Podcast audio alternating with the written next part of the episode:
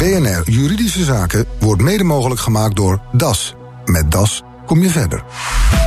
BNR Nieuwsradio. BNR Juridische Zaken. Van Liemt. Ouders die hun kinderen niets nalaten. Niet omdat er niets is, maar omdat ze dat niet willen. Het komt vaak voor. En vaak horen die kinderen pas na de dood van pa en ma dat ze onterfd zijn.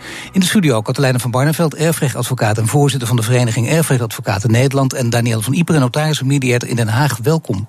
Dankjewel. Ja, jullie maken dat vaak mee, hè, dat ouders hun kinderen onterven. Althans, ik zeg dat wel. Jullie maken dat vaak mee. Maar Katelijne, als je het in percentages uitdrukt, hoe vaak?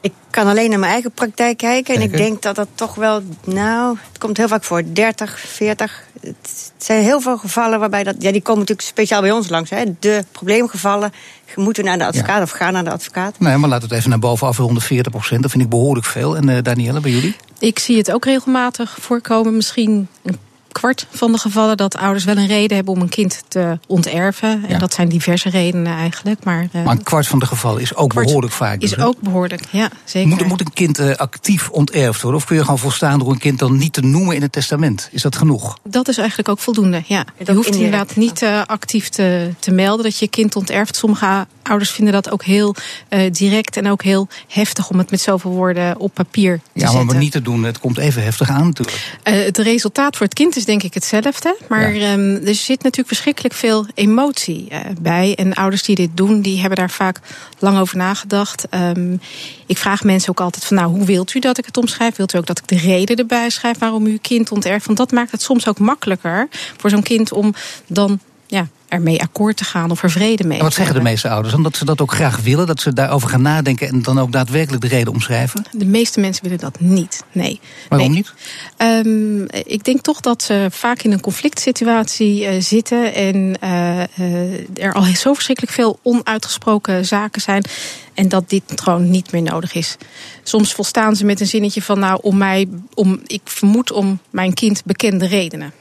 Ja, nou ja, daar heb je nog weinig aan natuurlijk. Heb Maar aan de andere kant, stel dat je het wel heel helder en duidelijk omschrijft, of misschien wel literair omschrijft, dan kan het eh, extra hard aankomen. dan kan het extra hard aankomen. Of het kan ook een, een, eh, ja, een ik weet niet wat een geruststelling is, maar voor de ouders kan dat een geruststelling zijn of een brief erbij dat je gewoon uitleg geeft. Ik weet niet of een kind daar dan uiteindelijk zelf blijer van wordt. Maar, Nee. En eh, onterfd en ook nog de uitleg, kan dubbel hard aankomen, ja. Precies, Maar het dat lokt lastig. alleen maar meer procedures uit. Ja, nee, Ja, ook het roept het over elkaar ja, af, of niet. Het zou ook kunnen zeggen dat je denkt van ik begrijp het en ik ga er niet tegen in. Dat je beseft dat er eh Nou, dat is lekker. dingen Als ik advies van jullie zou willen, dan is het een behoorlijke tegenspraak hier. hè? Welk advies moet ik volgen? Ik, ik denk wel eens dat het verstandig is als notarissen wat meer zouden opnemen in het hele testament waarom ze dat doen. Zodat je de kans dat iemand daar ook daadwerkelijk nog aan gaat peuteren, dat hij probeert het testament onderuit te halen, omdat hij vindt dat vader dat toch niet echt gewild kan hebben, eh, dat, die maakt die kans groter. Denk je? Ja, ik vind dat als je iets omschrijft, eigenlijk, Ja. dat dat dan ook duidelijk is. Het is het laatste woord van zo'n ouder. Zo'n kind kan dan eigenlijk niet meer nog de vraag stellen: waarom is dat gebeurd? Ja. En in sommige gevallen. Ja, vermoed ik dat ze het wel weten. Er zijn altijd twee kanten aan een, eh, aan een verhaal. Ehm, ik zeg alleen niet dat het altijd de oplossing is. Dat absoluut niet. Nee. Nou, ik zie te vaak langskomen dat kinderen echt verrast zijn door de onterving. En dat ze daar juist helemaal van ondersteboven zijn. En dat is extra Ja, echt reden. verrast. Dat verbaast mij. Dat eerder gezegd ook alweer. Dat ze totaal niet zien aankomen. Ja, of, of toch niet. Of ze, nou ja, dus ze dachten dat ze dat hadden mee een enorme erfenis. Want de ouders waren altijd gek op mij. Maar die, die geef je dan eigenlijk eh, na hun dood een trap na. Want ze blijken helemaal niet gek op je. En laten we het financieel ook nog eens merken. Ik denk dat ouders meer kunnen communiceren over wat de reden is, ja. ja. En ik denk ook dat het beter is om dat van tevoren te doen. Ja, laat ik dat vooropstellen. Dat, ja. dat, dat ik dat zeker Ja. goed vind. Nee, na de Eh, dood lukt het ook niet meer. hè? Nee, na de dood lukt nee, het Dat ook advies niet. kunnen we Nee. hier wel even neerleggen. Nee, maar als we ook even Ja. kijken onterven. Ja. Je hebt ook onterven Ja. omdat er bijvoorbeeld een conflict situatie is. Maar soms zeggen ouders van, nou, ik onterf mijn kind... want ik heb het kind bij leven al zoveel geholpen... ten opzichte van mijn andere kinderen, dat ik... ehm, Maar ja, dat is dus Ja. een typisch een goed voorbeeld. Als je dat Dat niet lijkt met me. dat andere kind communiceert... Ja. Hè, dan weet het andere kind niet waarom die dan minder krijgt. En daar is misschien een reden voor. Ouders hebben altijd moverende redenen om de kinderen ver- verschillend te bedelen. Ze dan dat toch wel het idee uitleggen. hebben dat ze heel redelijk zijn. Dat zou ook nog kunnen. Ja. En wat je dan kunt doen is het heel erg bijhouden als ouder... of dat je het communiceert. Dat is toch wel heel belangrijk. Nou, laten we een paar hele eh, voorbeelden of duidelijke voorbeelden uit de praktijk erbij halen. Katelijn, uit jouw praktijk. Je had een conflict laatst tussen twee dochters. En een van die dochters was ont, onterfd. Waarom? Ja. Waarom? Dat is een goede vraag. Maar de, de reden... de- ik, ik stond de andere dochter bij die niet was onterfd... en de moeder, notabene. Ehm, dus ik hoor alleen van die kant waarom die moeder haar, of die, de, de vader haar had onterfd. En de reden was eigenlijk, ze deed altijd zielig, het was nooit genoeg. En ze kreeg zoveel geld, maar het was nooit genoeg. En dat ging tegen haar instrijken. En toen heeft vader gedacht, nou dan, ja. dan was natuurlijk wel een verhaal eh, of ze elkaar vaak zagen. Eh, zagen Nou, die dochter kwam niet vaak meer thuis. En uiteindelijk ging ze ook eh, aangeven dat het de psychiater was die vond dat het niet goed voor haar was om met de vader geconfronteerd te worden. Terwijl die moeder en die dochter zeiden er was niks mis met vader. Maar ze kwam niet meer thuis. En dat heeft vader toch heel veel pijn gedaan. Dus ze heeft het heel lang volgehouden. En Maar nog op, heel op lang. eh, advies van de psycholoog of psychiater ging ze dus twintig jaar lang niet naar vader toe. Ja, en vader kon dat, vond dat heel verdrietig. En dus hij bleef schenkingen doen, ondanks dat. Totdat Ja. het klaar was. En toen heeft hij gezegd, nou onterf ik je. Ja, dan zou je kunnen zeggen, het is wel goed om dit dan later ook echt duidelijk vast te leggen wat de reden daarvoor is, of niet, Danielle? Dat vind ik zelf wel. Ik kan me voorstellen dat je het dan binnen een bepaalde context plaatst. En dat dat gewoon eh, prettig is, dat het zwart op wit is. Vader kan het niet meer zelf zeggen. Ik laat ik vooropstellen dat ik er ehm, ja, een voorstander van ben dat mensen het uitpraten als het enigszins mogelijk is. Maar als het niet kan, dan kan het niet. Nou ja, uitpraten merk je zelf ook, je bent ook mediator en zo, dat het heel moeilijk is om dit soort zaken Dat dat uit te heel praten. ja, ja, gaat dit echt met enorm veel emoties gepaard. Verschrikkelijk veel emoties. Ja. Ja. Ja. nee, ouders die hier komen, die zitten eh, met heel veel schaamte voor me. Die vinden het echt vervelend. Het duurt soms ook heel eventjes voordat eh Ja. eruit komt wat de reden is. Soms vertellen ze het niet. En heb ik een beetje uit de context, kan ik een beetje plaatsen wat de reden is. En mag je dat dan ook, als je dat doet, kan je dat maar hele voorzichtige, bij de coachende manier dan zeggen, of niet? Ik probeer het eh, wel een beetje te vragen. Het is ook een beetje om mijn beeld te vormen. Ja, Maar niet eh, zeker. de harde provocerende methode inzetten. Dat zou soms ook kunnen helpen. Ja, maar dat dat, is, dat is niet kunnen gewenst, en helpen, dat is in dat- deze situatie nooit gewenst. Dat is een beetje afhankelijk van wie er voor je zit, hoe je erin zit. Of je, en, en de vraag is ook, wat hebben ze eraan? Hè? Dat ze met de notaris een conflict aangaan... of moeten uitleggen hoe hard of hoe heftig het Nou ja, eh, dat het dan in is. ieder geval wel de waarheid of de duidelijkheid, eh, de, de waarheid naar boven komt. En dat het duidelijkheid kan scheppen. Ja, het kan duidelijkheid scheppen. Kijk, ik probeer die duidelijkheid te scheppen eigenlijk op een andere wijze... door ze dan ook voor te spiegelen van... nou, prima, jij onterft je kind eh, om jou moverende redenen. Ja. Eh, hoe denk je dat dat dan straks gaat uitpakken bij de afwikkeling van de nalatenschap? Want je hebt nog een andere dochter. Kunnen die dat dan met elkaar? Hebben die een goede relatie? Hoe zal het in hun onderlinge verhoudingen? Ja. Ehm, hoe Ja. gaat het met de verdeling van de spullen? Welke, wat haal je je allemaal op je hals? Nou, ik kan je wel vertellen, hoe, hoe groter de verrassing, hoe groter het incentive voor dat onterfde kind om daar toch iets mee te doen. Dus eh, dwars gaan liggen bij de afwikkelingen, dus heel veel informatie opvragen. En degene die daar in eerste instantie last van heeft, dat is dat wel. Dat kind dat wel erfgenaam is. Dus in feite bereikt moeder of vader daarmee het averechtse effect. Ja, dus dat verrassingseffect is ook begrijpelijk. Hè? Als je gewoon in de psychologie Tuurlijk. gaat duiken. Dat iemand dan denkt, oh, dan wil ik of wraak nemen... of ik wil juist de echte waarheid naar boven krijgen. Dat gaat allemaal verkeerd. Ja. Terug naar die dochters. De onterfde dochter wilde haar legitieme deel opeisen. Eh, hoe groot is dat, zo'n legitiem deel? Dat is doorgaans de helft van je erfdeel bij versterf. Dus, dus als, je, als je twee dochters hebt, dan zijn ze ieder voor de helft erfgenaam als moeder ook niet meer leeft. En de, legitiem is dan een kwart. En dat betekent eh, dat schenkingen daarbij ook meegeteld worden, of niet? Zeker, ja. Dat roept dus juist heel veel gedoe op, met zich mee eh, op. Omdat je, eh, je hebt zeg maar de nalatenschap. En voor de berekening van de legitieme moet je daar alle schenkingen die er bij leven al gedaan zijn, bij optellen. Ook door derden binnen vijf jaar voor het overlijden. Maar door de, aan de kinderen zelf tot ja, in zijn juttemus terug in feite. En dat Ja. zijn er nog wel eens wat. En dan heb je het Ja. ook over bevoordeling in de trant van verkoop van een woning aan een van de kinderen tegen een wat lagere prijs. Maar het is lastig genoeg, want inderdaad, alles moet ook gewaardeerd worden. Alles. Ook de inhoud, gewoon alles, de inboedel, alles wat je hebt en zo voor het legitieme deel. eh, dan staat er ruzie over beschikbare informatie, over Ja. de waardering ook van Ja, het want de legitieme is puur nog een vordering in geld. Dat betekent dat je voor de berekening van de aanspraak van die legitimaris... moet je alles waarderen, zodat je de, de nalatenschap plus de schenkingen... alles moet uiteindelijk eh, op een bedrag worden gezet.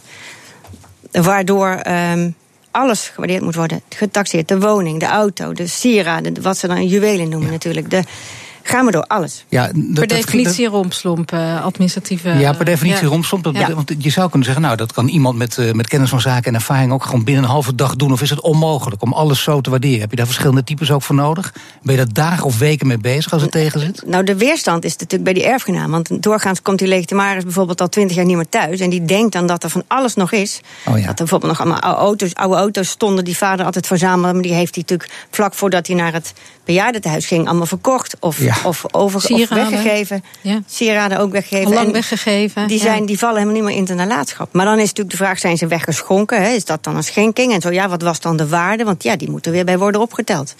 Dan en kan zo'n legitimaris wil alles weten. Ik kan me nog een situatie bedenken. Danielle, het komt goed tussen ouders en de onterfde kinderen. Dat kan ook tijdens het leven nog. Voor het, van het onterven is dan geen argument meer. Het onterfde kind zegt dan, nou, ik wil toch aanspraak maken op de erfenis... want het is ook weer goed gekomen. Ja. Dat kan niet meer teruggedraaid worden als ze overleden zijn... want dan heb je geen tegenpartij meer. maar dat moet nee. zwart op wit gelegd, vastgelegd worden. Ja, het komt wel eens voor dat als dat gebeurt, of dat, eh, ja, dat er dan een soort vaststellingsovereenkomst gemaakt wordt tussen de erfgenamen onderling. Dat ze zeggen van nou, ehm, eigenlijk was dit de situatie. Dat klopte in de tijd dat dat testament gemaakt is. Er is ondertussen de afgelopen jaren heel veel veranderd. En eh, we, passen het toch aan. Ja, Maar- moet je dat allemaal als argumenten aangeven? Of kun je gewoon zeggen, nou, verscheur het ene maar... maar ik betaal gewoon Nee, voor je een kan het nieuwe nieuwe. niet verscheuren, maar je zal dus ook alle erfgenamen aan tafel moeten hebben. Dus iedereen moet het er Oh. wel mee eens zijn. Het is dus niet iets wat je, eh, nou ja, goed, eh, eenvoudig regelt. Dus ook daar weer Ja, zo los je het wel vaak op. Dat Ja. je toch probeert een deal te sluiten tussen alle betrokkenen, Erfgenamen, erfgenamen, en Maar dan moet iedereen het er dus weer mee eens Ja, zijn. Het kan dus niet precies. zomaar. Het is geen kwestie van eh, de situatie is veranderd... en we hebben helemaal geen zin om dat uit te leggen hoe dat zit. En wij Nee. betalen gewoon, dat kan. Is dat niet gek? Als iedereen het eens is, kan het. Maar als één iemand dwars ligt, kan het niet. En als één iemand dwars ligt, eh, dan kan het dus om wat maakt niet uit wat de reden daarvoor is. klopt. Gewoon, ik kan Ja. alleen maar zeggen, ik lig dwars en ik leg jullie niet uit waarom, maar ik ben het er niet mee eens. Ja, klopt. Ja. Zometeen, wat kunnen ouders doen om te voorkomen dat hun erfgenamen en onterfde kinderen in langdurig conflict komen? BNR Nieuwsradio. BNR Juridische Zaken. We hebben het over het onterven van kinderen. Tussen erfgenamen en onterfde kinderen ontstaat vaak een langdurig conflict over de erfenis. Want het onterfde kind kan nog wel het legitieme deel opeisen. In de studio Danielle van Iperen, notaris en mediator in Den Haag. En Katelijne van Barneveld, erfrechtadvocaat en voorzitter van de Vereniging Erfrechtadvocaten Nederland.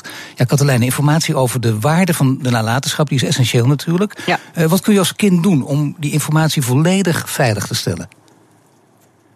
Als kind, als onterfd kind, wil je juist die informatie hebben.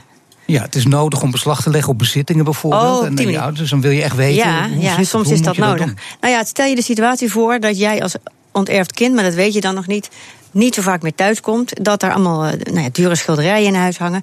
Ja. En dat vader in één keer doodgaat, moeder was al dood. Eh, dan loop je het risico dat jouw broer, die eh, heel goed met vader kon, die schilderij ineens eventjes bij een vriend op zolder zet. Eh, en jij moet maar aantonen dat die schilderijen er nog waren en tot een nalatenschap behoorden. Dat gaat je natuurlijk niet lukken als jij niet weet waar die schilderijen zijn. Daar kom je nooit achter als die op de zolder van die vriend staan. Dus jij hebt belang bij het leggen van beslag op alles wat er was. Dat kan zeker voorkomen. Ja, en dan gaat het in de praktijk vaak ook om schilderijen, dat soort dingen. Of niet? Gaat het ook om, weet ik veel wat, postzeggenverzamelingen. Ook. Sieraden, Noem het maar. nog eens Sieraden bank, geld, bankrekeningen. Ja, sieraden is een dingetje. Dat is, ja. ja. Ja, een dingetje, nee, maar dat komt dus heel vaak voor. Ja. Omdat sieraden makkelijk eh, bij een andere te stallen zijn natuurlijk ook. En ook eh, als die getaxeerd worden. De, de een weet bijvoorbeeld wel, een van de, zeg maar de ene broer weet het wel. En, Ja. Of de broer weet het wel en de zus niet. En als ze eenmaal is. ontrokken zijn, kom je dan niet meer achter als legitimaris. Want je kunt vaak die deur ook niet in, want je bent natuurlijk al heel lang niet thuis geweest. En jij moet het aantonen. Ja. Ja. Nou, eh, zijn rechtszaken gaan die vaak over de beschikbare financiële informatie. Eh, kunnen ouders hun kinderen daar dan vooraf op, eh, op voorbereiden? Dus of het totale bezit wel of juist niet goed vastgelegd is? Eh, nou ja, goed. eh, de kinderen moeten weten eh, waar ze moeten zijn. Er zijn een heleboel dingen natuurlijk wel op te vragen. Het is ook zo dat in een procedure voor het opeisen van de legitieme zijn de erfgenamen ook verplicht om alle informatie ja, beschikbaar te maken voor degene die zijn legitieme deel opeist. Maar als ze er niet aan meewerken, zal je je eigen onderzoek moeten doen. Ja, je eigen onderzoek moeten doen. Dat klinkt een beetje als het inhuren van een detective bijvoorbeeld. Nou ja, inhuren Komt van. voor. Ja. Ja, dat komt echt voor. Komt echt voor. Ja. Maar goed, jij kunt als legitimaris niet bij de bank aankloppen. Nee, ja, ik moet een beetje lachen. Want, eh, Ja. Ik had vaak gehoord dat detectives worden ingehuurd, maar dat gaat toch meestal om andere zaken. Maar dit dus ook, hè? En ik denk vaak, dat je het uiteindelijk gewoon moet beslissen uit handen te geven aan een notaris of een advocaat. Die dat allemaal ehm, boven water gaat krijgen. En die er dus Ja. zeg maar als een onpartijdige persoon tussen gaat staan. En die berekening maakt van zo'n legitieme. Nou, laten we eens een, Maar- eh, een, een ja. extreem voorbeeld bij de kop vatten. Nee, Nou ja, als jij weet bijvoorbeeld dat vader ook nog een rekening in Luxemburg had. En die, en die broer van jou die komt daar niet om, die zegt er niks over, die ontkent. En jij weet het bijna zeker. Dan heb jij een belang om daar een detective heen te sturen. Om daar toch achter te komen. Die Want dat moet wel worden mee. ook. Ja. ja. Het zijn Ja. dus eh, detectives die daarin gespecialiseerd zijn, blijkbaar. Er zijn detectives die daar heel erg in gespecialiseerd zijn. Ja. Nou, zie je dat er veel verschillende beroepen aan te pas komen bij, bij deze conflicten. Ook deurwaarders af en toe. Heb je ook Zeker. eens bij de hand gehad? Ja. Ja. Hoe ging dat dan? Nou, dat was een zaak, als ik even goed herinner, waarbij ik eh, ook optrad voor de legitimaris. En die ehm, belde mij op maandag met de mededeling: mijn vader is overleden. En vrijdag wordt hij gecremeerd. En wil je wel even ehm, zorgen dat ik vrijdag in die woning eh, kan met de deurwaarder? Want de deurwaarder moet even constateren wat er allemaal staat. Dus op de dag van de crematie? Ja, dat was een iets minder prettige opdracht natuurlijk. Maar Ja. uiteindelijk was het een opdracht. Ik heb thuis Schrikkelijk. spoed aan verleend. Ja, verschrikkelijk. verschrikkelijk. Ongelooflijk. En toen heb ik. ehm, want hij, wilde, hij had deels daar zelf nog ook weer schilderijen hangen die van hemzelf waren. En die wilde die zeker stellen. Maar er hingen natuurlijk ook allemaal schilderijen waarvan hij bang was dat zijn broer die ook inderdaad bij de buurman zou hangen. Dus hij heeft gedacht, nou dan moet ik even gauw naar binnen. Nu kan het nog. Ja.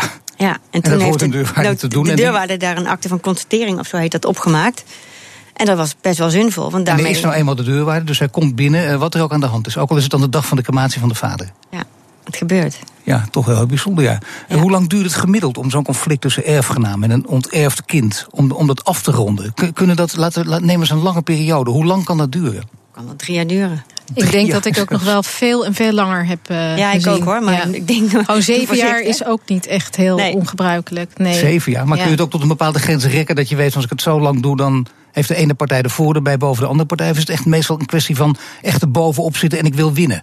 Duurt het daarom zo lang?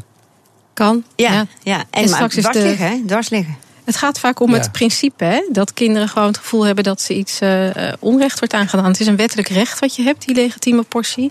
Dus je wil het krijgen. En, En er de zijn- andere kant, die wil juist niks verstrekken. Want waarom zou je hem nog informatie geven als hij al twintig jaar niet meer thuis komt?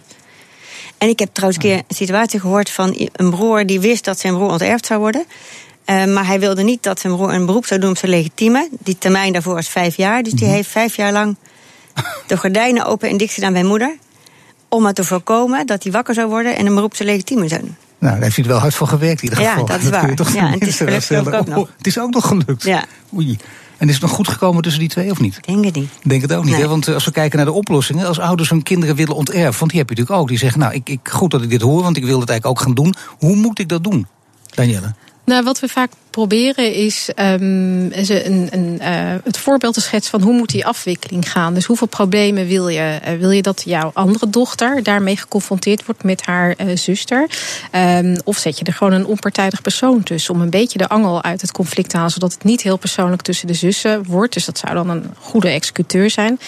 Vaak probeer ik ook een andere oplossing te vinden. In die zin dat het vaak mensen erom gaat dat ze niet willen dat dat kind waar ze of geen goede relatie mee hebben, of die eh, bijvoorbeeld geld heeft ontnomen. En soms zijn het ook kinderen die zelf failliet zijn. Hè? Dus dat ze bang zijn dat die erfenis gewoon naar een, een failliet kind gaat.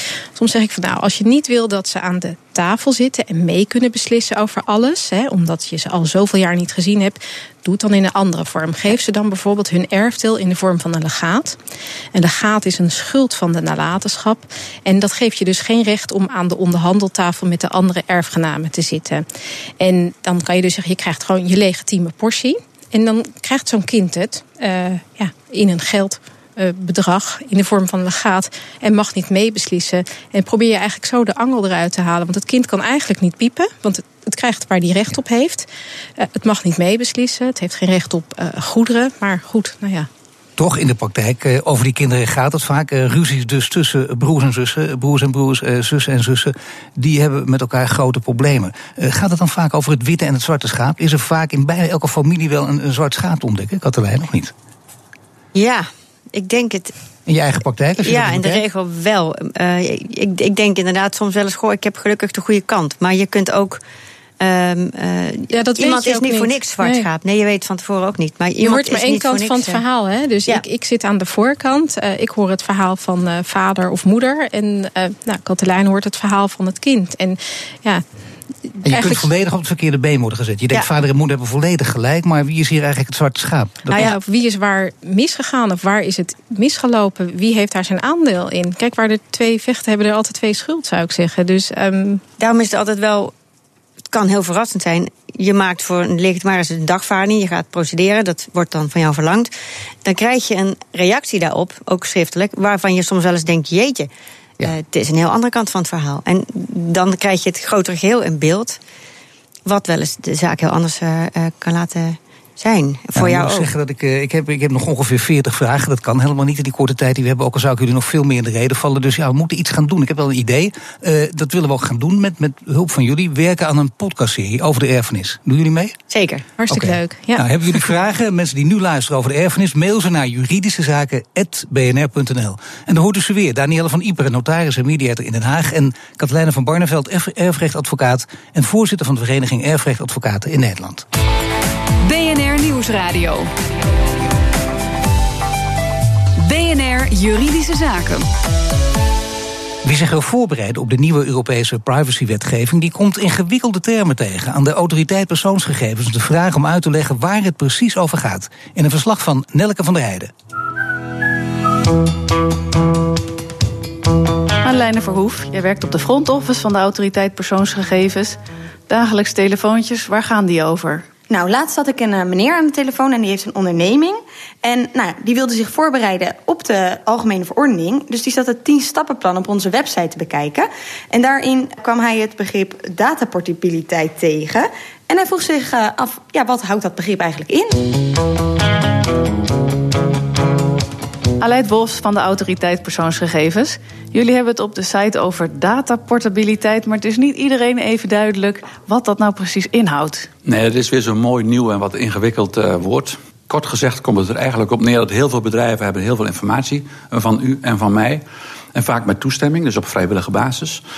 En als je veel van mensen verzamelt, dan schept dat ook verplichtingen. Dus als iemand dan tegen een bedrijf zegt: Ik wil dat u alles wat u over mij heeft, dus mijn aankopen of ik ga naar een nieuwe provider voor mijn e-mail, dan kun je van, je van diegene die jouw gegevens heeft, kun je vragen, sterker nog kun je zelfs eisen, dat hij die gegevens overdraagt aan die nieuwe provider. Of dat hij ze aan jou teruggeeft. En dat heet eigenlijk dataportabiliteit. Dat je je gegevens, die van jou zijn, mee kunt nemen naar een andere aanbieder of dat hij ze aan jou teruggeeft. Ja, dus dat is een recht dat je als klant van een bedrijf kan eisen. Ja, dat is echt de keerzijde van uh, dat een bedrijf heel veel met jouw toestemming kan verzamelen. Dan moet het ook zo zijn van ja, ik wil het weer terug hebben. Of ik wil dat u het doorgeeft aan een ander bedrijf. Als het met toestemming bij dat bedrijf zit. Kijk, als een bedrijf dat moet bewaren, bijvoorbeeld een bank. Als u klant bent bij een bank en je gaat naar een nieuwe bank, dan is daar die dataportabiliteit ook van toepassing. Dan kun je tegen die bank zeggen: Ik wil dat u al mijn financiële gegevens doorgeeft aan die nieuwe bank. Is die bank toe verplicht? Maar die bank zal ook zeggen: Ja, maar op basis van Nederlandse wetgeving moet ik een x aantal jaren voor de fiscus of voor de AFM of voor de Nederlandse bank, moet ik die gegevens bewaren. Dat moet hij dan ook doen. Maar je hebt er recht op dat hij al jouw gegevens in een format zoals dat technisch mogelijk is, gewoon doorgeeft aan die nieuwe bank. Dat klinkt op zich wel als behoorlijk wat werk voor die bedrijven. Kunnen ze daar nu al iets aan doen om zich daarop voor te bereiden? Ja, dat moeten ze doen. Dus als een bedrijf een nieuw ICT-systeem ontwikkelt, dan moet je dat doen. Dat heet dan privacy by design. Dus als je het systeem ontwikkelt, moet je rekening houden met de privacyrechten van mensen. Dus ook met dit recht van dataportabiliteit. Dus in die systemen moet je of nu gaan inbouwen, of als je het nieuwe systeem ontwikkelt, moet het er vanaf het begin inzitten dat je uitvoering kunt geven aan dit recht. Zegt voorzitter Aleid Wolfsen van de Autoriteit Persoonsgegevens in de verslag van Nelke van der Heijden. Heeft u ook een juridische vraag? Mail hem naar juridischezaken.bnr.nl. En dit was de uitzending voor vandaag. U kunt de show terugluisteren via bnr.nl/slash juridische zaken. Mijn naam is Paul van Liemt. Tot de volgende zitting. BNR Juridische Zaken wordt mede mogelijk gemaakt door DAS. Met DAS kom je verder.